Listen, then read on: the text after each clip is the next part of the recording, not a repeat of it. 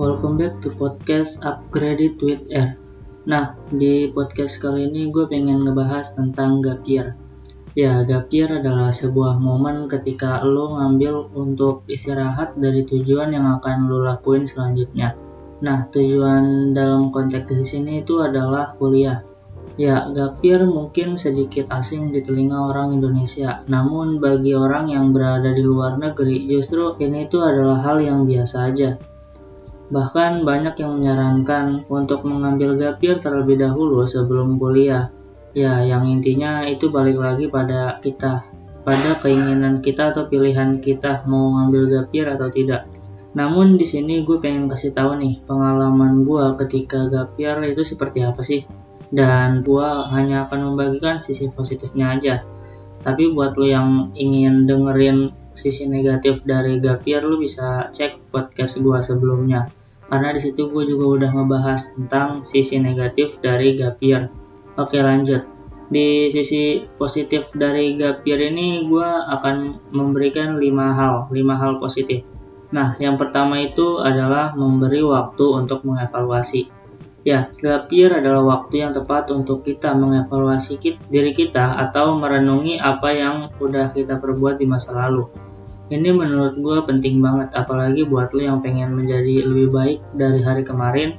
Dan yang efek atau dampak dari gap year ini adalah lo bisa jadi dewasa dan lo tahu ke mana, tahu kalau selama ini uh, lo itu udah banyak membuang-buang waktu dan yang di mana itu penting banget atau bisa dipakai untuk melakukan hal yang bermanfaat. Jadi uh, gapir ini tuh sangat-sangat memberi waktu kita untuk mengevaluasi diri. Nah, yang kedua, yang kedua itu adalah mendapatkan pengalaman dari lingkungan. Kata siapa ketika lu gapir lu kehilangan pelajaran? Kalau lu membandingkan diri lu dengan teman lu yang udah kuliah, ya jelas lu ketinggalan pelajaran kuliah. Tapi ingat, bukan ketinggalan pelajaran hidup gue merasakan ini karena selama ini gue jarang banget memperdulikan hal yang ada di sekitar gue tapi gara-gara gapir gue malah banyak dapat pelajaran dari lingkungan sekitar gue dan ini tentunya sangat-sangat berguna dan gue mensyukuri itu karena ini mendapatkan pelajaran juga bagi gue yang ketiga bisa menambah banyak skill.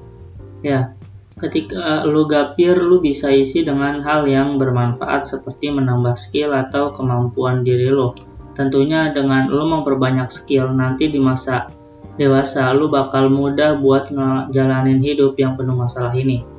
Jadi lo nggak bakal keteteran dengan masalah yang ada. Gue juga lagi memperbanyak skill buat diri gue sendiri. Salah satunya adalah kemampuan berbicara seperti ini. Makanya gue ngebuat podcast ini sebenarnya itu juga buat ngelatih cara berbicara gue. Yang keempat, memaksimalkan waktu belajar. Kalau lu sehabis tiga pir ingin kuliah, maka lu bisa memaksimalkan waktu belajar lu. Memanfaatkanlah waktu gapir lu buat belajar. Biar lu bisa mencapai tujuan lu yang udah lu yang udah lu rancang dari awal dan ya tentunya ketika lu memaksimalkan waktu belajar ini bisa lebih mendekatkan lu pada tujuan lu. Yang kelima, latih mental.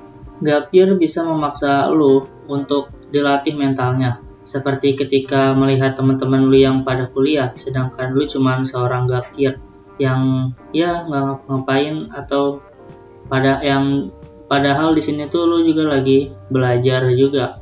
Nah, gue yakin banget pasti dalam diri lu itu ngerasain hal kayak gini, hal yang iri ketika lu melihat teman lu yang udah kuliah atau udah kerja dan lain sebagainya. Tapi ingatlah semua itu akan baik-baik saja dan lu akan menemukan makna dari gapir ini sendiri. Jadi kalau lu ngerasa depresi atau stres, hadapin aja, jangan takut. Apalagi sampai nyerah dan bunuh diri.